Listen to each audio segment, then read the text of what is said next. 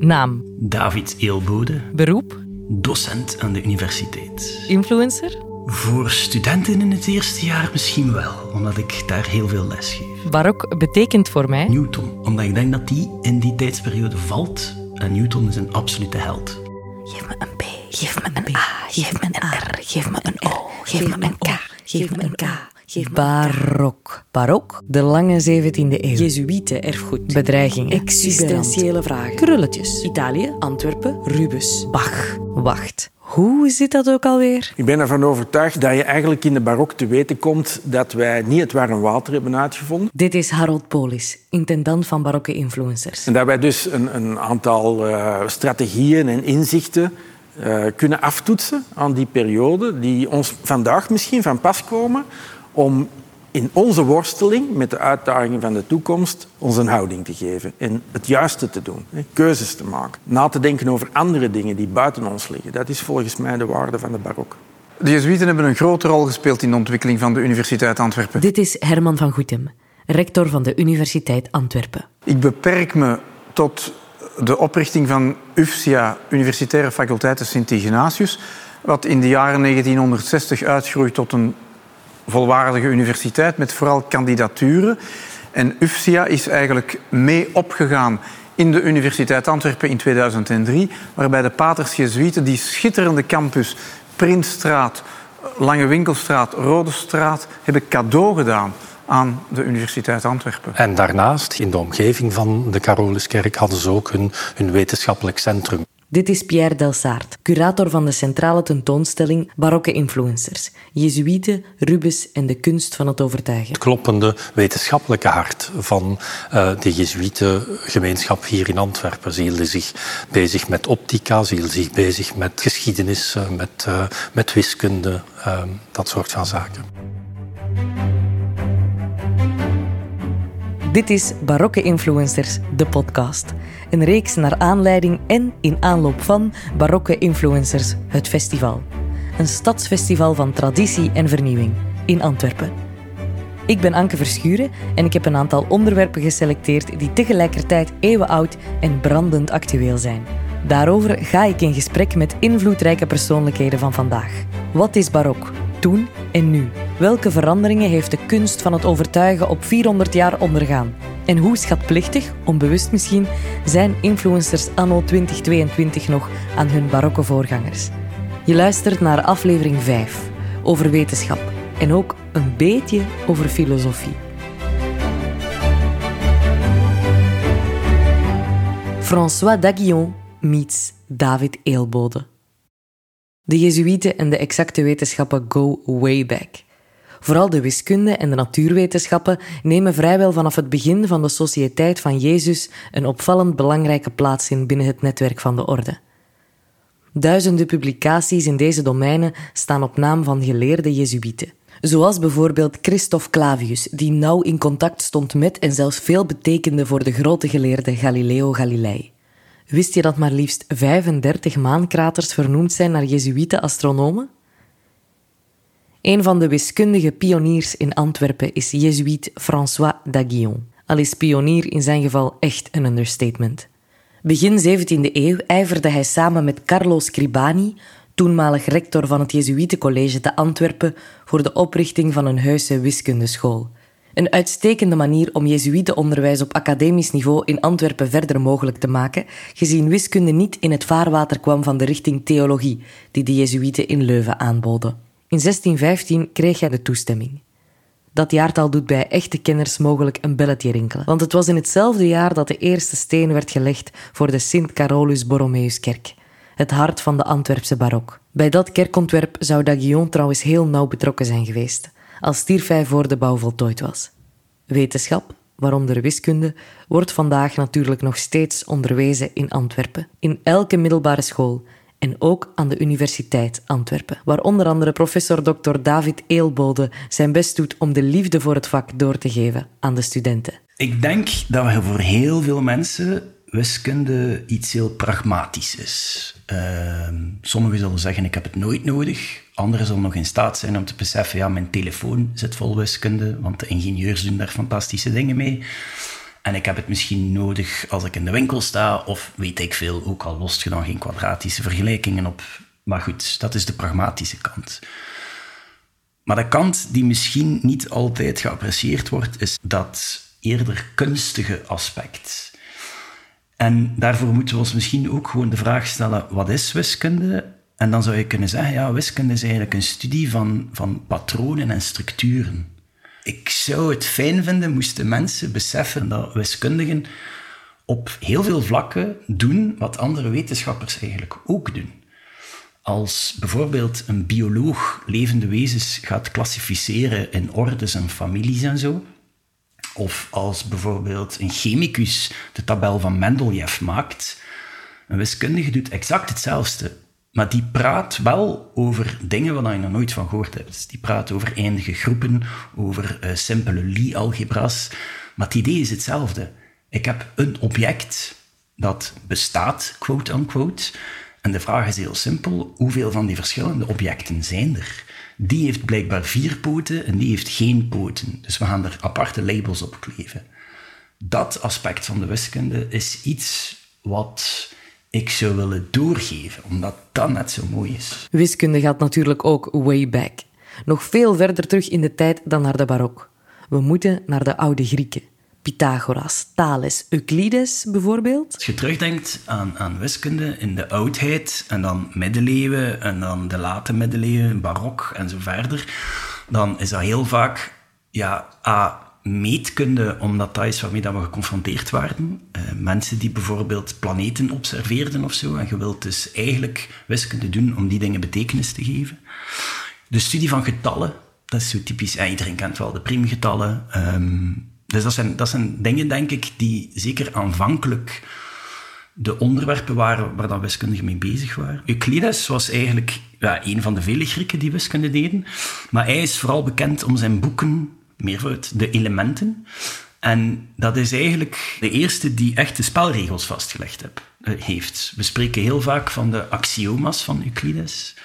En dat is eigenlijk ja, een aantal regels die we willen volgen. En die voor ons dan, voor de Grieken toen, zeer intuïtief duidelijk waren. Eentje daarvan, door twee punten, gaat exact één rechte. Dat is zo typisch een uitspraak waarvan ik denk, ja, duh. En dat is een axioma. Ik heb zelf Grieks wiskunde gestudeerd in het middelbaar, dus dit klinkt voor mij eigenlijk bijna nostalgisch in de oren. Maar wat ik altijd zo ongelooflijk heb gevonden, is dat die stellingen en axioma's van honderden, soms duizenden jaren geleden, vandaag nog altijd de fundamenten vormen van de wiskunde. Hoe komt dat? Dat is een goede vraag. In die zin dat die dingen de facto nog altijd gelden. En dat is uniek, denk ik, binnen de wetenschappen aan de wiskunde. Ik denk dat dat voor heel veel wiskundigen een van de redenen is waarom dat ze het zo graag doen. Als iets juist is, is het juist voor eens en voor altijd. En dat is natuurlijk anders in pakweg fysica, waar we gaan van atomen, dat is een, een krentenbol, tot nee, dat is eigenlijk lege ruimte en daar cirkelt iets rond, tot nee, het zijn eigenlijk quarks en dat verandert constant. Bij ons is dat niet. wil niet zeggen dat wiskunde niet vooruit gaat natuurlijk, maar wij zijn enorm schatplichtig aan wat er voor ons gedaan is, want alles wat al gedaan is, moeten wij niet meer doen. En dat blijft gelden. Dat is echt een absolute waarheid. Dat is echt waar, denk ik, voor velen de kern van het vakgebied. Dat dat, het, het, het is een eeuwige waarheid en jij legt die bloot. Dat is een fantastisch idee. Dat creatieve... En je kunt dan discussiëren of dat je het uitvindt dan wel bloot legt. Was het er en heb je het, hè, het stof eraf gedaan, gelijk Indiana Jones in de film... Of heb je het zelf uitgevonden? Maar het is vooral het idee, jij hebt het gedaan en vanaf nu is het voor altijd zo. En vandaar dat dan natuurlijk heel veel wiskundige resultaten nog altijd, hè, de stelling van Thales of de stelling van Pythagoras, het zal voor altijd van u zijn. Want het is een eeuwige waarheid. Fantastisch toch? Fantastisch. Maar hoeveel eeuwige waarheden zijn er? Hoe lang kan er gegraven worden in onontgonnen gebied? Is de wiskunde onuitputtelijk? Hoeveel onontgonnen gebied is er nog? Um, je zou zelf kunnen beginnen met de vraag: zal het ooit af zijn? Gaat iemand ooit de laatste puzzelstuk kunnen leggen en zitten we dan zonder werk? Geen idee. Nog nooit over nagedacht, vermoedelijk omdat er op dit moment nog gewoon nog gigantisch veel werk is. Elke doctoraatstudent die een doctoraat afwerkt in de wiskunde, die heeft een stelling. Maar ik ga dat wel nuanceren. Dat zijn heel vaak stukjes van een stelling die dan passen in een stukje van een oplossing van een heel groot geheel, waardoor we niet meteen zullen spreken over de stelling van eelbode bijvoorbeeld. Omdat daarvoor is wat pakweg ik zelf gedaan heb verwaarloosbaar in de geschiedenis. Maar er komt elke dag nieuwe wiskunde bij. Je zou dat kunnen uitrekenen, omdat je weet, er zijn zoveel wetenschappelijke journals, omdat die dingen die moeten gepubliceerd worden natuurlijk. Er zijn zoveel journals, vier keer per jaar, gemiddeld zoveel bladzijden. Dus je zou echt een schatting kunnen maken van hoeveel nieuwe wiskunde er per dag bij komt. En dat is immens. Er is er ook een lijst van uh, bijvoorbeeld de Millennium Problems. En die zijn zelf 1 miljoen dollar waard. Eentje daarvan is al opgelost door een, uh, een Rus, Gregory Perelman. En die is zijn prijs niet gaan ophalen. Die wou dat niet. Die, uh, die heeft een probleem opgelost, het vermoeden van Poincaré. En ik denk dat hij tevreden was met de pasmunt waarmee wiskundigen betaald worden. En dat is naamsbekendheid. Uh, zijn naam plakt nu op dat resultaat. That's it.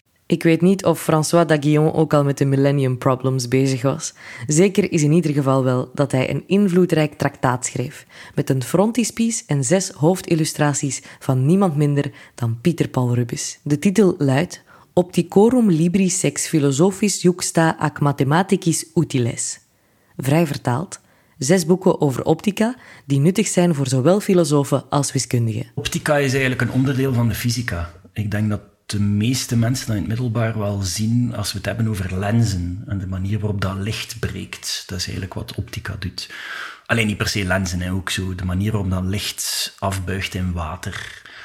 Uh, zeker in die tijd was dat een dingetje. Want ik denk dat ze toen ook effectief glaslenzen begonnen slijpen en zo. En uiteraard, je zit ook in de eeuwen waarin observaties van het heelal gebeurden. Ay, dat, mens heeft dat altijd gedaan, hè, maar het is pas sinds de komst van de telescopen dat dat dan in een stroomversnelling geraakt is. Dus het verbaast mij persoonlijk niet, want ik ben geen kenner van optica, maar dat dat in die tijdsgeest zit.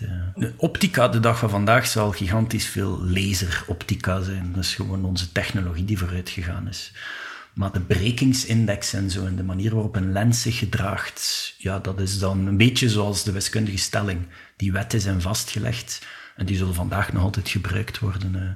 En als je bijvoorbeeld amateurfotografen en professionele fotografen, die zo alles wat er gebeurt met diafragma en zo, wat je dan precies moet doen, dat is eigenlijk allemaal optica. Het traktaat is vooral bekend geworden door het concept stereografische projectie. Die staat, zoals het de wiskunde betaamt, voor eeuwig en altijd op naam van Daguillon. De stereografische projectie is letterlijk een projectie. De manier waarop het werd ingevoerd, dat is in de context van letterlijk kaarten die we gebruiken om onze weg te vinden. Um, er zijn verschillende soorten kaarten. Hè. Um, Mercator is daar ook een heel belangrijk figuur. Maar ik denk dat iedereen wel weet dat Groenland op een kaart het verkeerde formaat heeft. En dus zijn er andere manieren om de aarde, en laten we het voor het gemak even een bolvormige aarde noemen, te representeren op een vlak. Het ding is, je kunt dat niet doen op een zodanige manier dat alle hoeken en afstanden correct worden weergegeven. Dat gaat niet. Stereografische projectie is een manier om ervoor te zorgen dat de hoeken bewaard blijven op uw kaart. En dus vanuit geschiedkundig standpunt is dat natuurlijk heel belangrijk voor mensen die op een boot zaten. Want met een sextant bijvoorbeeld kun je onder een vaste hoek varen en dan is dat wel handig als je zo'n kaart hebt. En dat heeft Daguillon honderden jaren geleden dus allemaal uitgevogeld. In de 17e eeuw omvatte wiskunde nog veel meer dan vandaag. Onder andere kosmografie, maar ook cartografie, navigatie en zelfs oorlogstechnieken maakten er deel van uit. Het was mede onder invloed van de Jezuïeten dat wiskunde evolueerde naar een discipline van abstracte rekenkunde. Logica, dat ook vandaag nauw verwant is met de wiskunde, hoorde dan weer thuis onder de filosofie. In de titel van het traktaat staat dat het nuttig is voor zowel filosofen als wiskundigen. Dat prikkelt mij. François Daguillon studeerde en doseerde zowel filosofie als wiskunde aan verschillende scholen en universiteiten in binnen- en buitenland. Een bijzondere, maar toch ook best vaak voorkomende combinatie. Wat hebben filosofie en wiskunde met elkaar gemeen? Ja, filosofen en wiskundigen. Er is een, standaard grapje dat we allebei hetzelfde materiaal gebruiken. Zijn de pen en papier. Ehm, en een prullenmand, die is dan enkel en alleen voor de wiskundigen. De filosofen hebben dat zelfs niet nodig. Ik denk dat de linken, als ik dat nu, als ik daar nu over nadenk, zowel binnen filosofie als binnen wiskunde heb je een, een stroming of zijstromingen die zeer nuttig zijn. Ik denk als het gaat over ethiek, dat er niemand gaat twijfelen dat dat een tak is van de filosofie die gewoon super nuttig is. Maar er zijn volgens mij ook filosofen die zich bezighouden dan met de grote vragen des levens of zo. En dat is dan misschien het equivalent van fundamentele wiskunde. Dat is wat denken om te denken. Ik vind dat een, een, een, denigrerende term bijna, denken om te denken. Ay, daar zit uiteraard van alles achter. Ehm, er zijn nog manieren waarop die twee domeinen met elkaar in contact komen. In die zin dat uh, filosofen, en dan zeker mensen die een cursus logica krijgen, of ook de, in linguïstiek en taalfilosofie, zo komt je ook al snel in het vaarwater van de wiskundigen. Um, ook andersom kan je over wiskunde heel filosofische vragen stellen. De gekendste stroming is meteen ook de beste referentie naar de filosofie en dat is de God van Plato. Omdat je jezelf de vraag zou kunnen stellen, een getal, hè, twee, bestaat dat wel? Of een cirkel, bestaat dat wel? Je zou zeggen, ja, ik kan erin tekenen, maar als je daarop zou inzoomen, met gigantische camera's of zo, dan ga je zien dat dat nooit perfect rond is, bijvoorbeeld.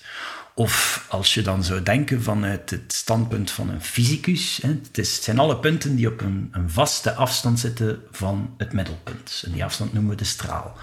De fysicus zou zeggen, ja, dat kan nooit een vaste afstand zijn, want, want wie zit daar? Of, of, alleen, ik ben maar aan het denken, er zijn heel veel redenen waarom dat je zou kunnen argumenteren, een cirkel bestaat niet. Maar een platonist, en ik denk dat ik zelf een aanhanger ben van de platonische visie in de wiskunde, die zegt, ja, maar dat is maar de schaduw in de grot. Dat is wat we zien. Daarnaast was Daguillon natuurlijk ook erg gelovig. In 1588 legde hij zijn gelofte af als frater jezuïet in Doornik, waarna hij in Salamanca ook nog theologie gaat studeren, om vervolgens opnieuw in Doornik tot priester te worden gewijd. Ik ben zelf helemaal niet gelovig, maar ik kan mij wel inbeelden dat sommige mensen uh, de visie aanhangen van Stephen Hawking, die op een bepaald moment zei. Um, ja, ik ga hem niet exact kunnen quoten, maar wie, wie blies leven in de vergelijkingen? Ik denk dat dat, dat is wat hij wou zeggen. En dat is wel iets waar ik begrip heb voor mensen die zodanig ver gaan in de appreciatie voor de schoonheid dan van de wiskunde, dat het allemaal zo mooi in elkaar past, dat dat voor hen dan weer een bewijs is van een absolute schoonheid. Uh, zo als je dan begint na te denken over, allee, deze kan toch niet, dat hier dan pi uitkomt of zo. Zo van die momenten dat je denkt van, wauw, wat is dit? Daar kan ik mij wel voorstellen dat je ook weer een projectie kunt maken van dat is het goddelijke of zo. Een, een ander punt waar dat heel hard aan bod komt, is in, in het concept oneindig. Dat is een van de meest fascinerende onderwerpen die er zijn. Ik denk dat iedereen vroeg of laat als kind, of misschien iets ouder, de vraag heeft: wat is oneindig? Ik heb ooit een vriendin gehad die had daar schrik van. Allee, we konden niet mee praten over oneindig, want dat begon pijn te doen aan haar hoofd. En ik denk dat hij zich... Ja, dat hij daar schrik van kreeg als concept, omdat je dan wel meteen die perceptie hebt als mens ben ik gewoon niks. En dan zit je toch zo weer op dat kruispunt met op een religieuze manier naar iets kijken. Um, wel, pas op, niet wiskundig niet meer oneindig bezig zijn, gaan dat niet doen. Hè. Maar er zijn zo punten waarop dat ik denk dat als je religieus bent, dat je dat kunt projecteren op wat er wiskundig gebeurt. En dat je dus het idee van Stephen Hawking, ja, wie heeft er dat dan weer in leven geblazen? Zoiets. En natuurlijk is ook de wiskundeschool die hij heeft opgericht in Antwerpen een van de belangrijkste verwezenlijkingen van Daguillon. Hij heeft er uiteraard niet in zijn eentje voor gezorgd dat wiskunde vandaag nog steeds een grote plek inneemt in het curriculum. Maar hij vond het alleszins duidelijk erg belangrijk dat wiskunde verspreid en gedosseerd werd. In de barokperiode heette de onderwijsmethode van de Jezuïeten trouwens ratio studiorum. En wiskunde was een van de hoofdonderdelen. Ik denk dat je binnen een les wiskunde bijvoorbeeld op een heel eigen manier kritisch leert nadenken.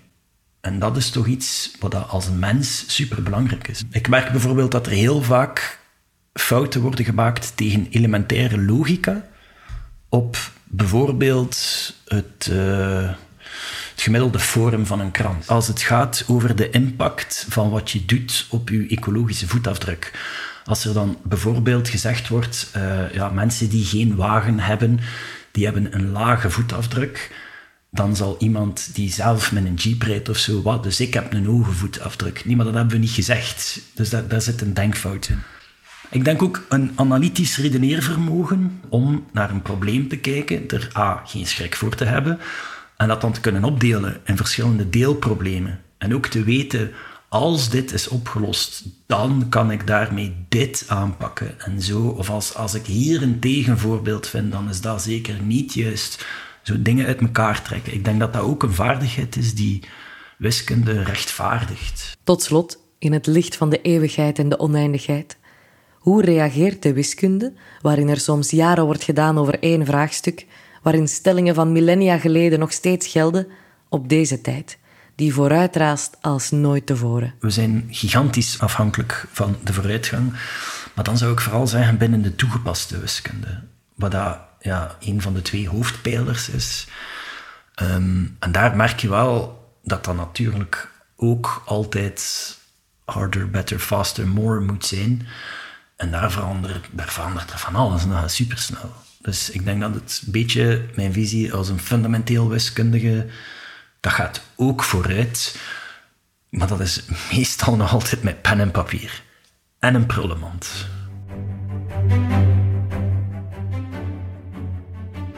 Pen, papier en prullenmand hebben we tijdens Barokke Influencers, het stadsfestival van traditie en vernieuwing in Antwerpen, zelfs niet eens nodig om te filosoferen.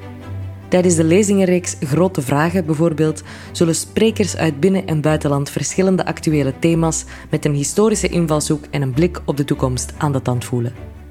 Barokke Influencers is een initiatief van UXIA en van de Universiteit Antwerpen en vindt plaats van maart tot en met november 2023.